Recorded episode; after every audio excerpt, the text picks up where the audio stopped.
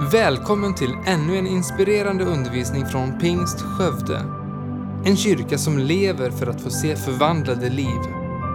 Vi hoppas att Guds ord ska tala in i ditt liv och hjälpa dig vidare i livet med Jesus. Vill du veta mer om vår kyrka eller komma i kontakt med oss så besök gärna vår hemsida. www.skövdepingst.se men vi slår upp våra biblar här till Joel kapitel 2. Så ska vi läsa ifrån vers 28 till 29. Men innan vi läser så ber vi tillsammans. Fader Gud, i Jesu namn. Vi tackar dig för din heligande, vi tackar dig för dina ord till oss. Vi ber att vi ska få möta dig. Jesus, du är här mitt ibland oss, för du har sagt att två eller tre samlade i ditt namn i ditt namn, där är du mitt ibland dem. Vi tackar att du är här just nu. Vi tackar dig att du vill möta oss och att vi ska få möta dig. Vi har inte kommit hit för att eh, söka någon människas teorier, filosofier, lyssna på fina ord och utläggningar. Vi har kommit hit för att vi vill möta dig Gud. För att vi hungrar efter dig, vi har ett behov av dig. Och jag ber att du ska möta med människor här idag, att vi ska få uppleva dig. För bara livet i mötet med dig kan förvandla våra liv.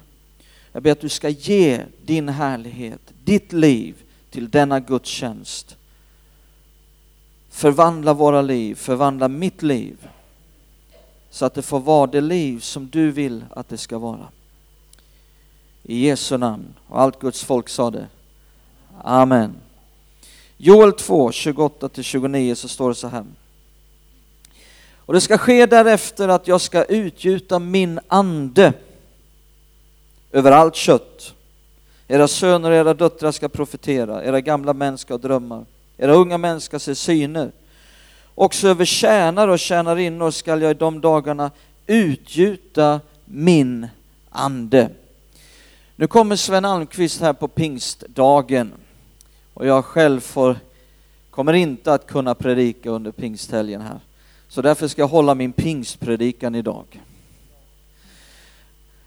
Eh, och så ska vi läsa ett bibelställe till och utgå från de här två bibelställena. I Apostlärningarna kapitel 2 så står det så här. Det kommer att bli bra här när Sven Almqvist kommer. Jag ser verkligen fram emot det. Vi är goda vänner sedan 20 år tillbaka. Så det blir, det blir fint. Apostlagärningarna 2, kapitel 1, nej, vers 1, kapitel 2, vers 1 till vers 4.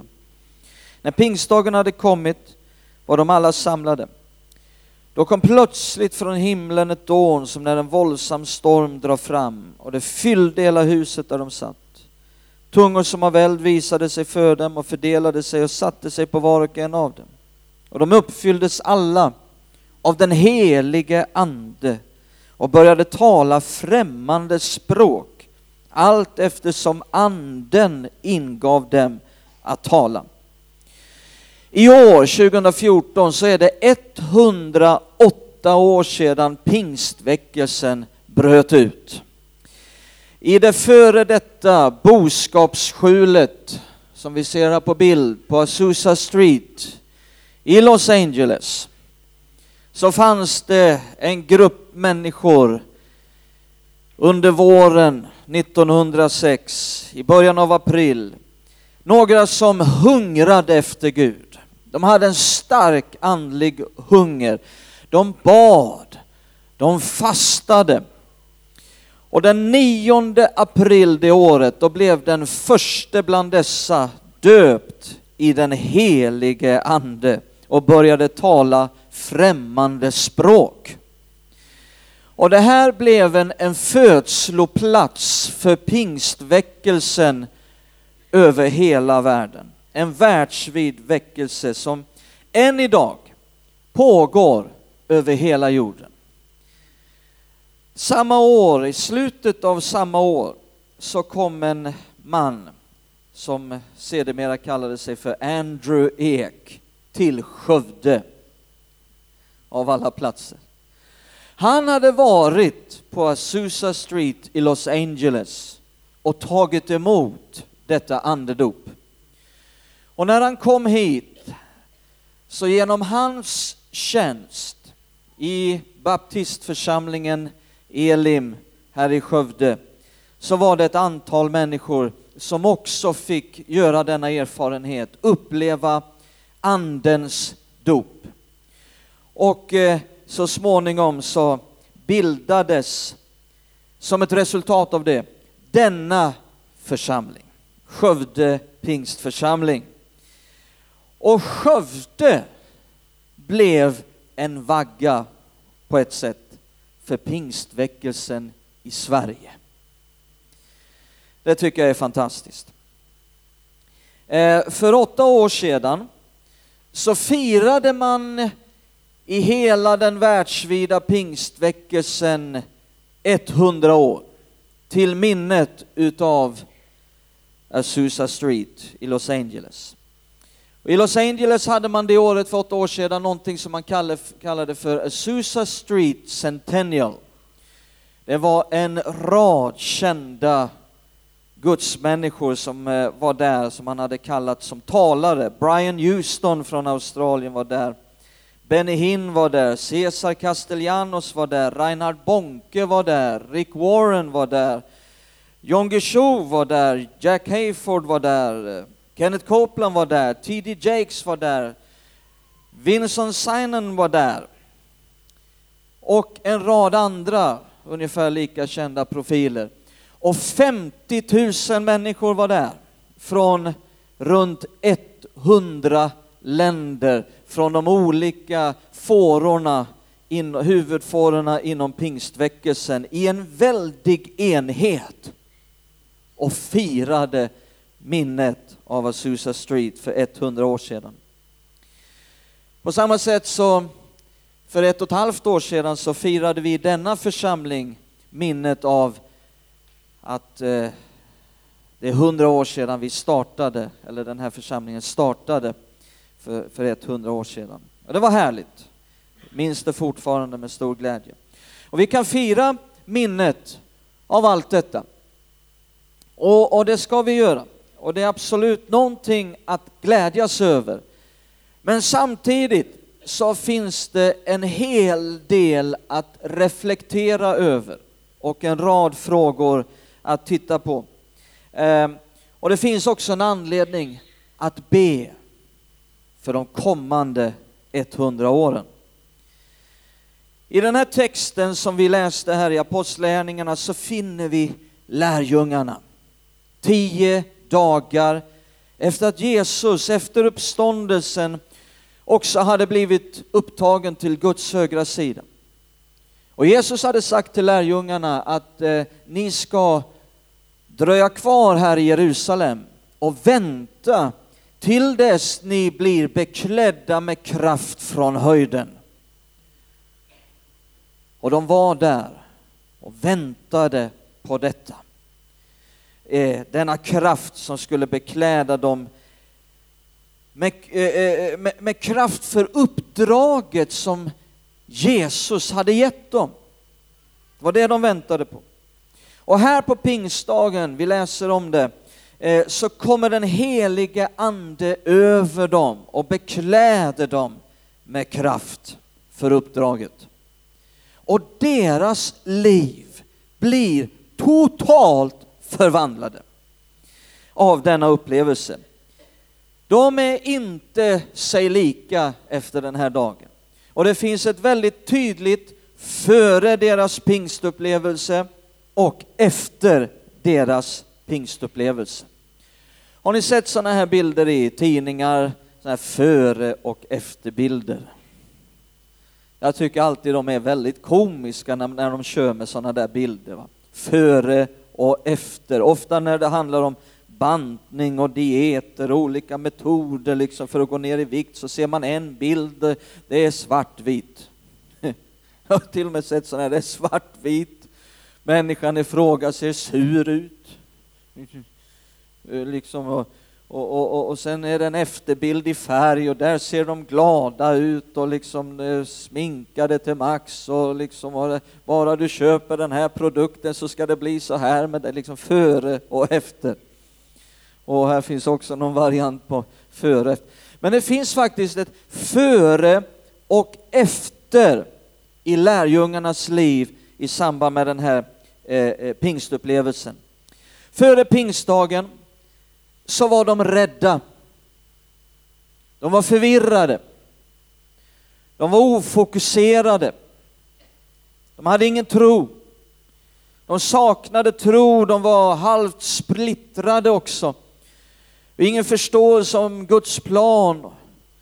Men efter pingstupplevelsen, då finner vi dem i en, i en väldig enhet.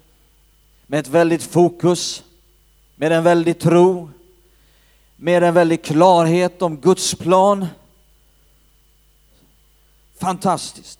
Någonting hade hänt.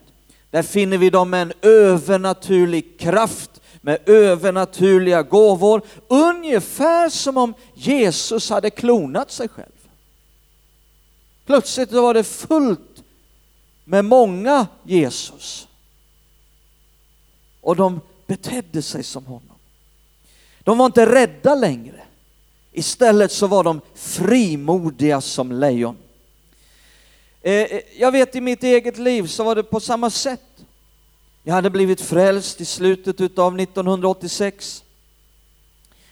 Och jag älskade Jesus.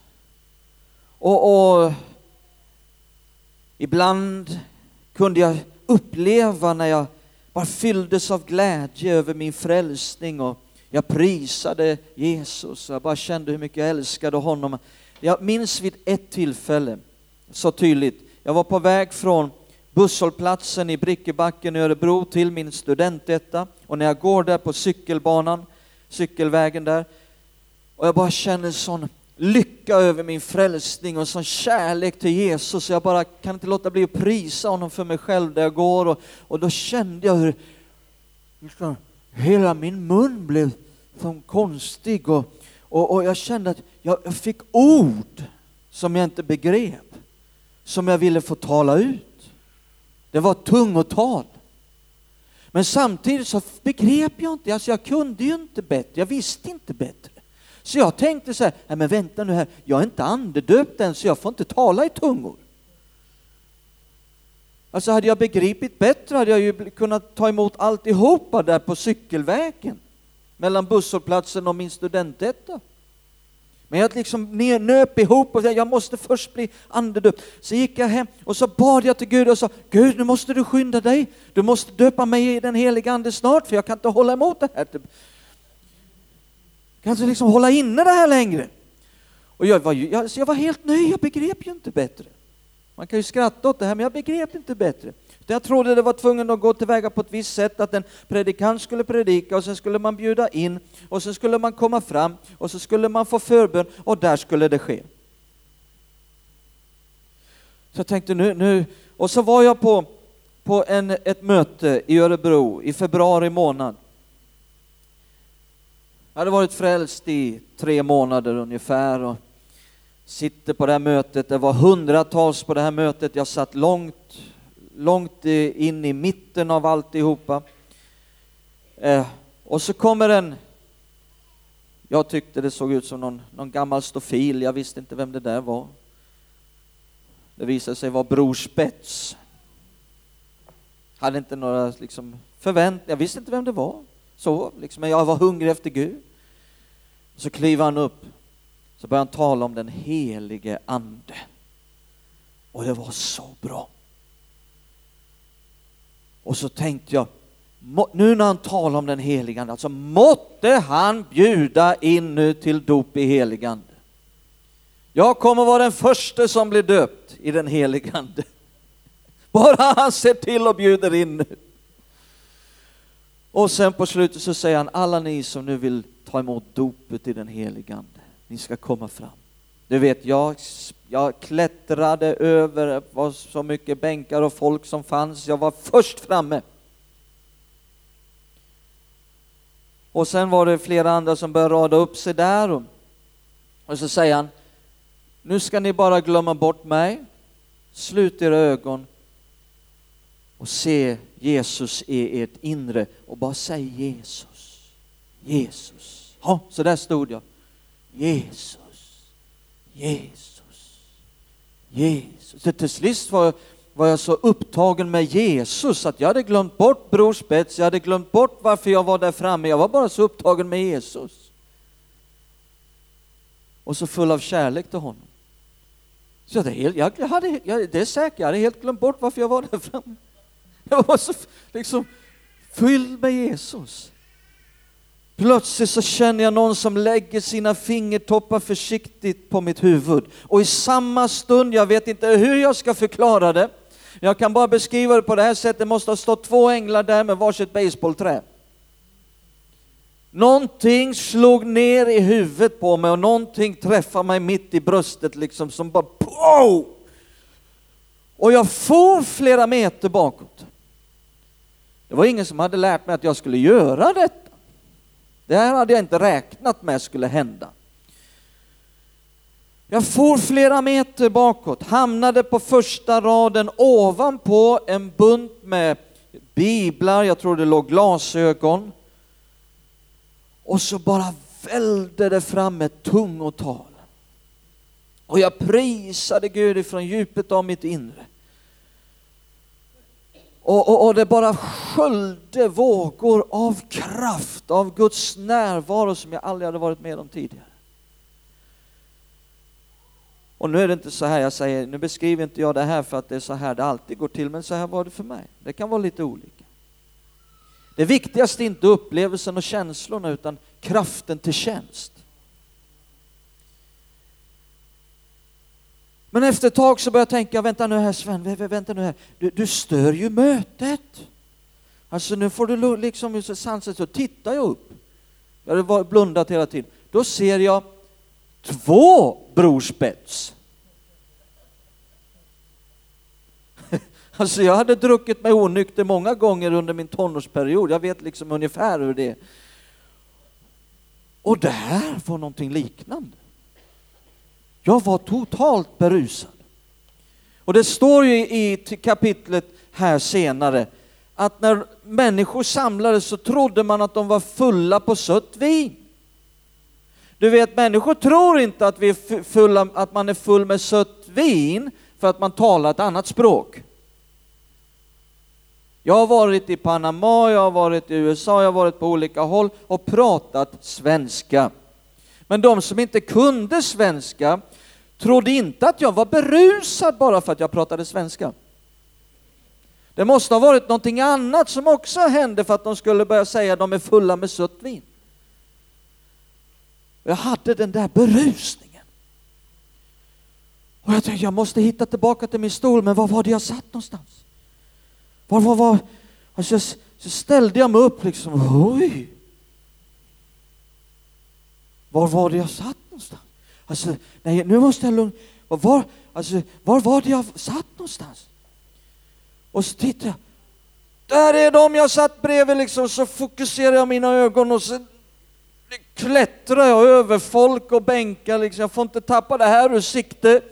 Och, och, och, och så damper jag ner det, jag vet fortfarande inte hur jag kom dit. Och sen sköljde våg efter våg av Guds närvaro, av Guds härlighet över mitt liv.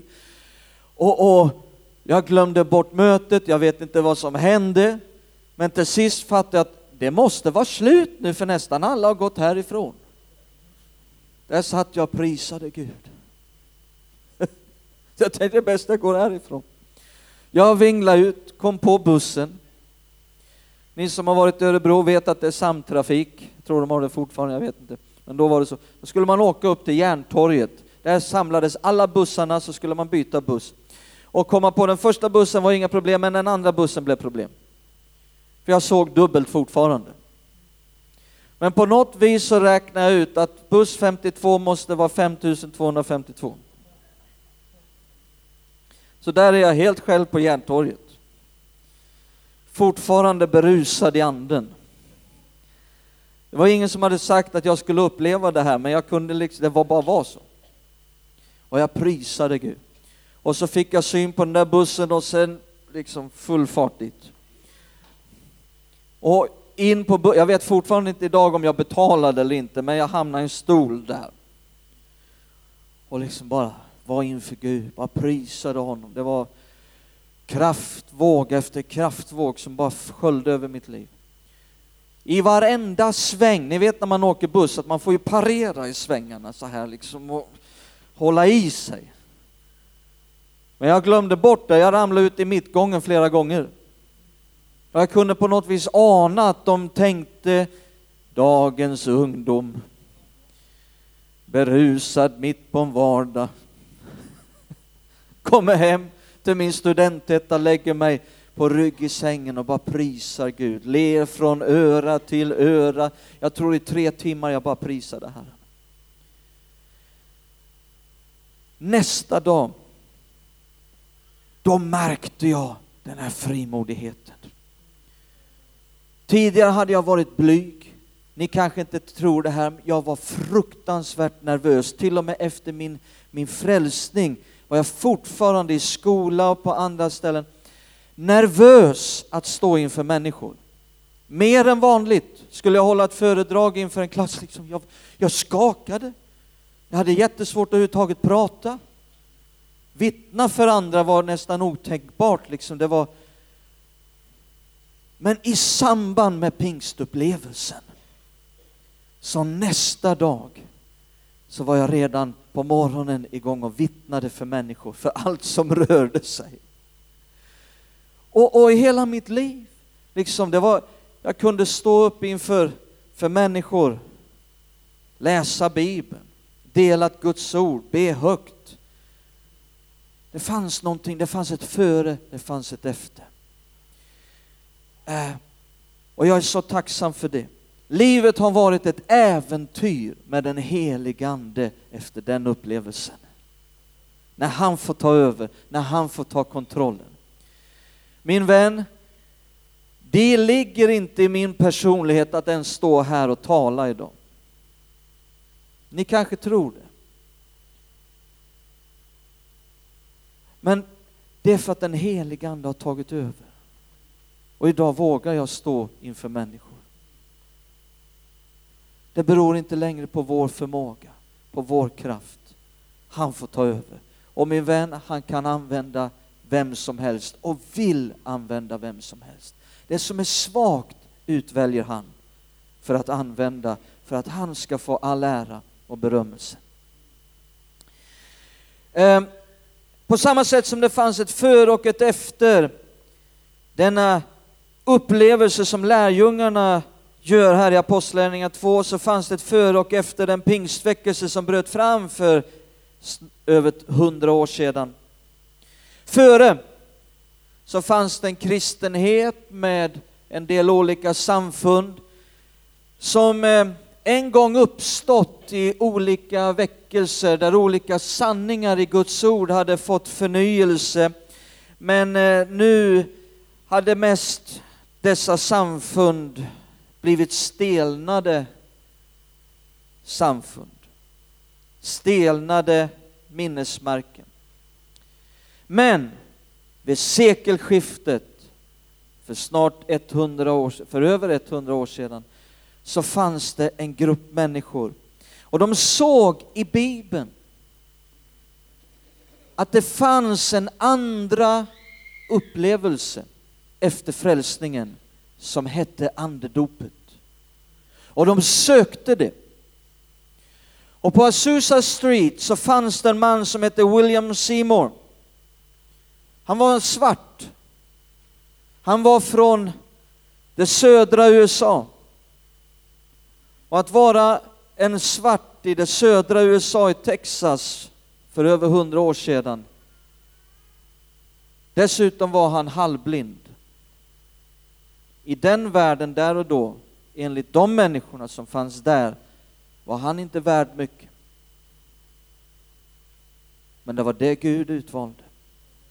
Det som ingenting var i människors ögon. Och han predikade, han undervisade om detta andedop. Han hade själv inte upplevt det, ändå undervisade han om det. Men till sist började den helige ande att falla över dessa människor i detta enkla före detta boskapsskjul på Azusa Street. Väckelsen bröt ut. De blev beklädda med kraft. Och det var flera möten där varje dag under över tre års tid. Jag har nyhetsbreven där hemma, man gav ut ett nyhetsbrev en gång i månaden. Jag hittade dem på ett ställe när jag var i USA för många år sedan. Har dem där hemma, mycket intressant att läsa. Tusentals och åter tusentals människor kom dit ifrån många håll och kanter i Nordamerika men också från andra håll i världen och upplevde andedopet. Tusen och åter tusen missionärer åkte ut i olika riktningar över hela världen och bar denna väckelse till jordens alla kontinenter. En sådan var T.B. Barrat från Norge. Han var i USA, han var i New York. Han kom aldrig till Azusa Street, men han var i New York. Han höll på med en insamling till ett kyrkbygge i Norge. Och det gick inte bra, han var besviken.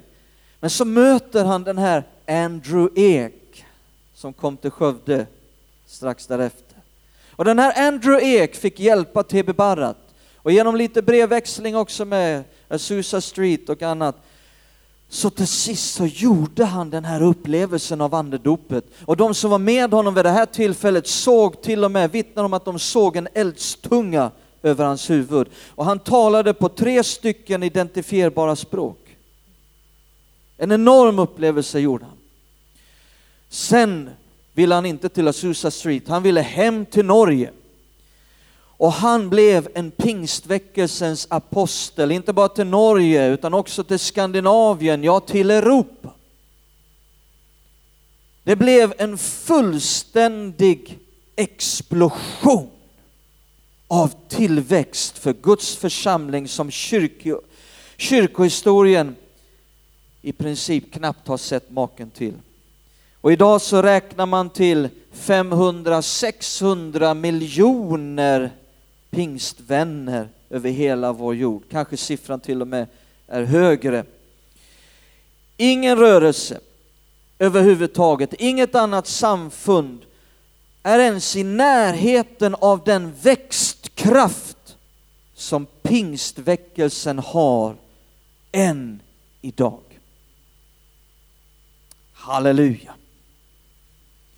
Titta här vad det står i Jesaja kapitel 32 på ett profetiskt sätt. Jesaja 32, vers 15 till 16.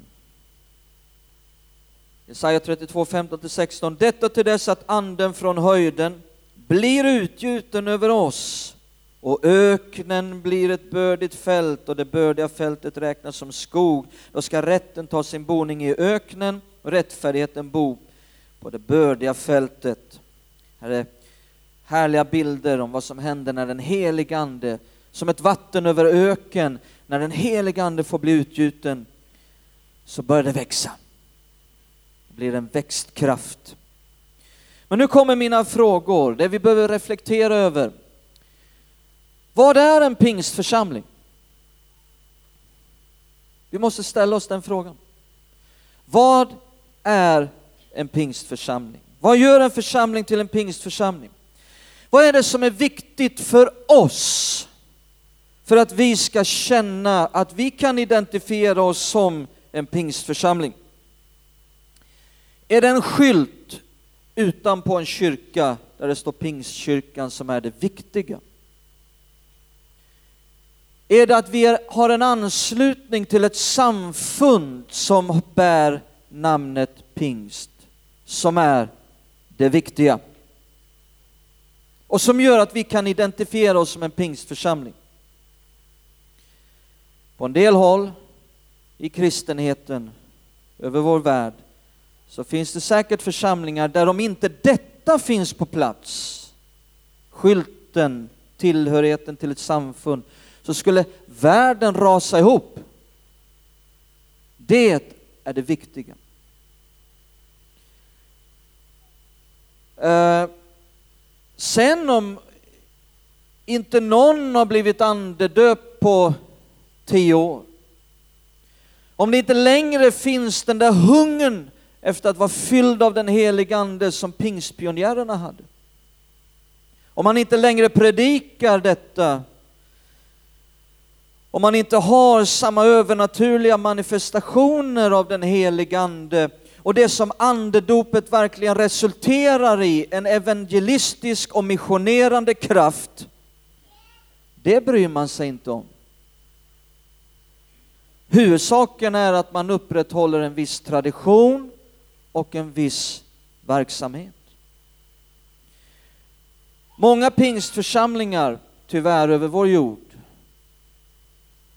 går inte längre att skilja från andra samfundsförsamlingar.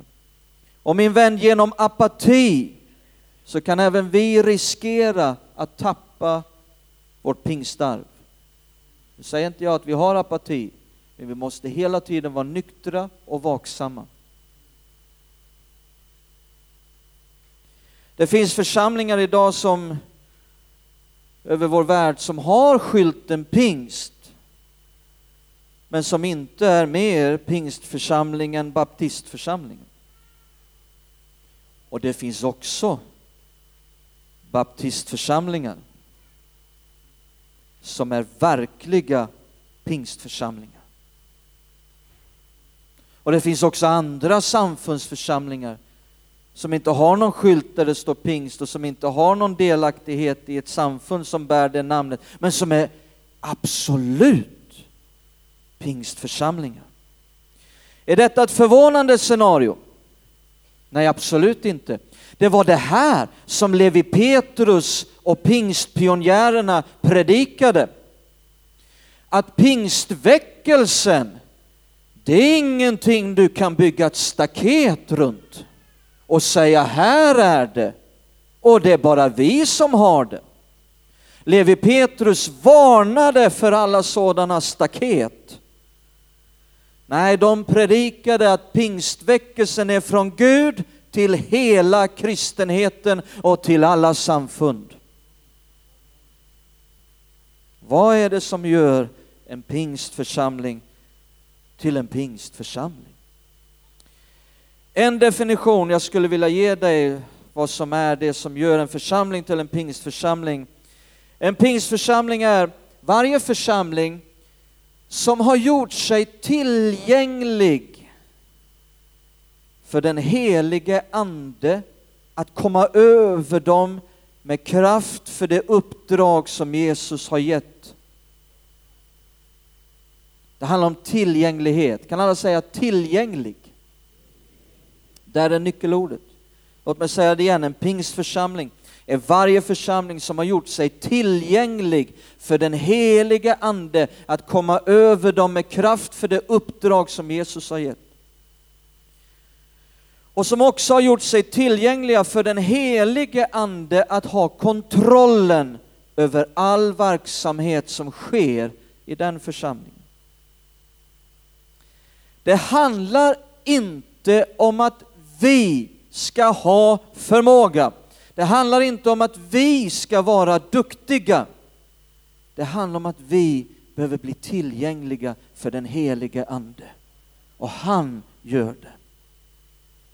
Titta i Apostlagärningarna 6 och vers 3, vad de var så noggranna med när de skulle utvälja ledare och människor i tjänst i en församling. Apostlagärningarna 6 och 3. Nej bröder, utse bland er sju män som har gott anseende och är uppfyllda av vad då? Och vishet. Så ger vi dem den uppgiften. Det var någonting väldigt viktigt för de som skulle tjäna i församlingen i Apostlagärningarna, att de var fyllda av anden. Här kommer min sista punkt. Vi har talat om vad gör en församling till en pingstförsamling? Här kommer nästa sak vi behöver reflektera över. Vad är en pingstvän? Vem är en pingstvän? Är det var och en som kallar sig för pingstvän? Nej, det garanterar inte att man är en pingstvän. Är det för att man har ett medlemskap i en pingstkyrka? Nej.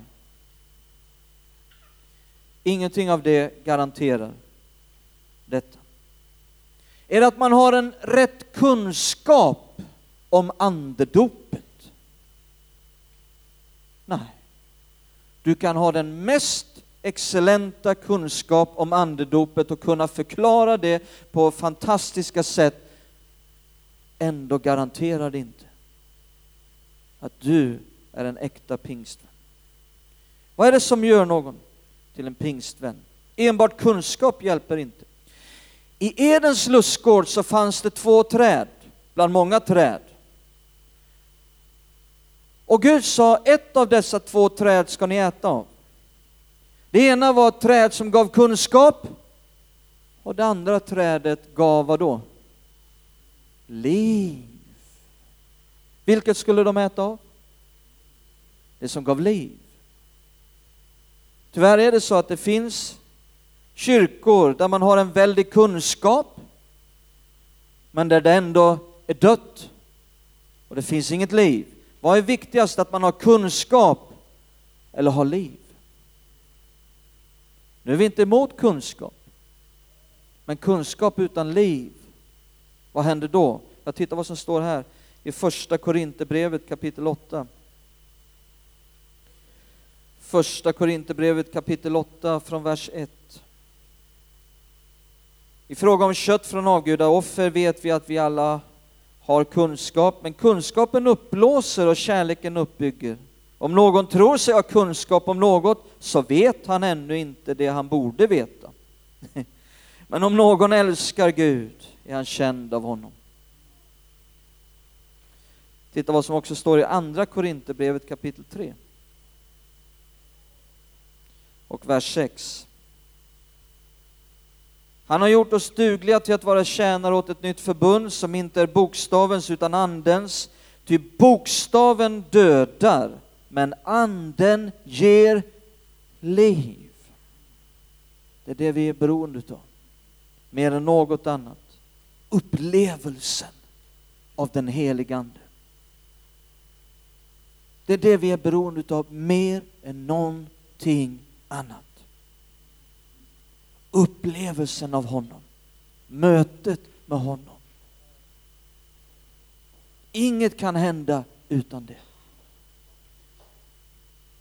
Åh, att vi väntar in detta. Åh, att vi söker detta. Vad är en pingstvän? Ja, nu kanske någon säger, ja men, ja, men det, det, det måste vara en som är andedöpt. Inte heller det garanterar.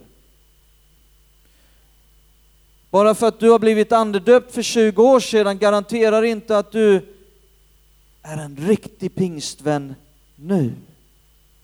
I ordets sanna bemärkelse. Vad sa vi att det handlar om? Tillgänglighet. Kan jag säga tillgänglig igen? Det handlar om tillgänglig. En definition är varje kristen som lever ett liv just nu där man är tillgänglig för den helige Ande att använda dem.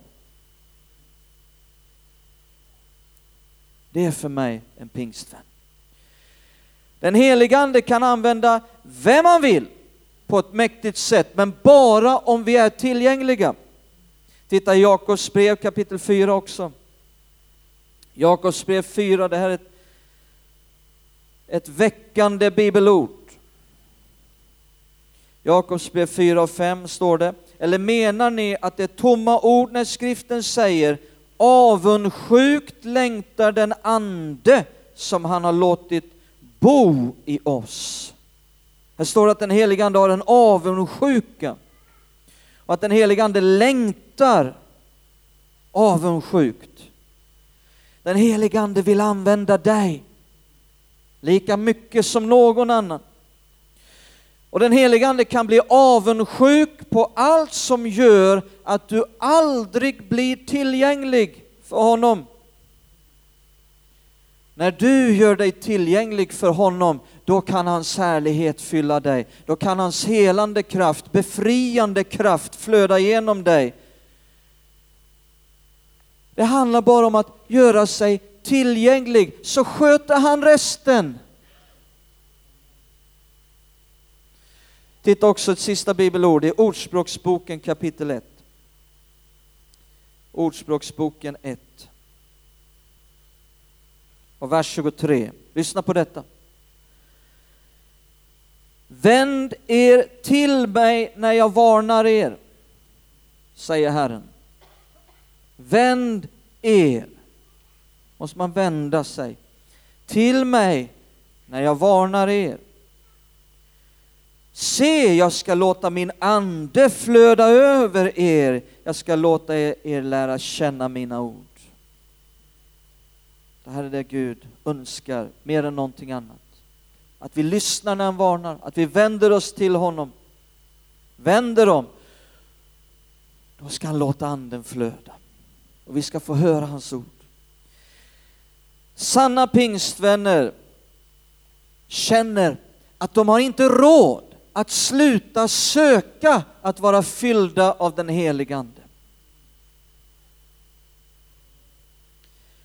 Det här handlar inte om att vi ska ta oss i kragen. Att vi ska rycka upp oss.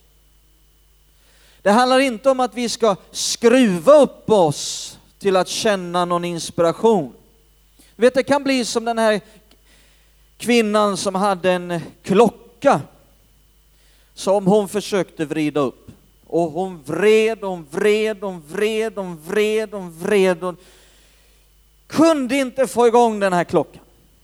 Hur mycket hon än försökte vrida upp den. Så hon gick till urmakaren och så kommer hon in till urmakaren där och säger jag, jag har försökt att vrida upp den här klockan till vansinne, liksom. jag får inte igång den. Kan du se vad som vad det är för fel på den? Jag ska kolla, sa urmakaren. Så gick han in i ett rum där bak. Och efter tio minuter så kom han ut. Så här är det. Den funkar hur bra som helst.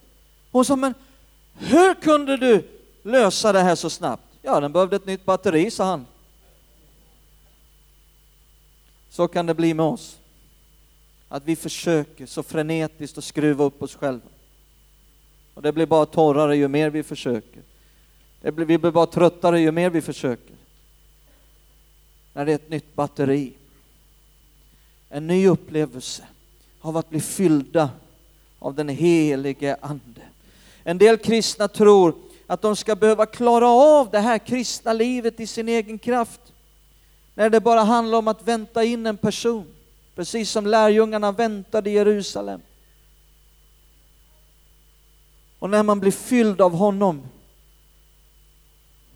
så börjar det hända automatiskt. Utan någon större ansträngning från oss själva. Tack för att du lyssnat. Titta gärna in på vår hemsida www.skövdepingst.se för att få veta mer om oss. Och glöm inte att du alltid är välkommen till vår kyrka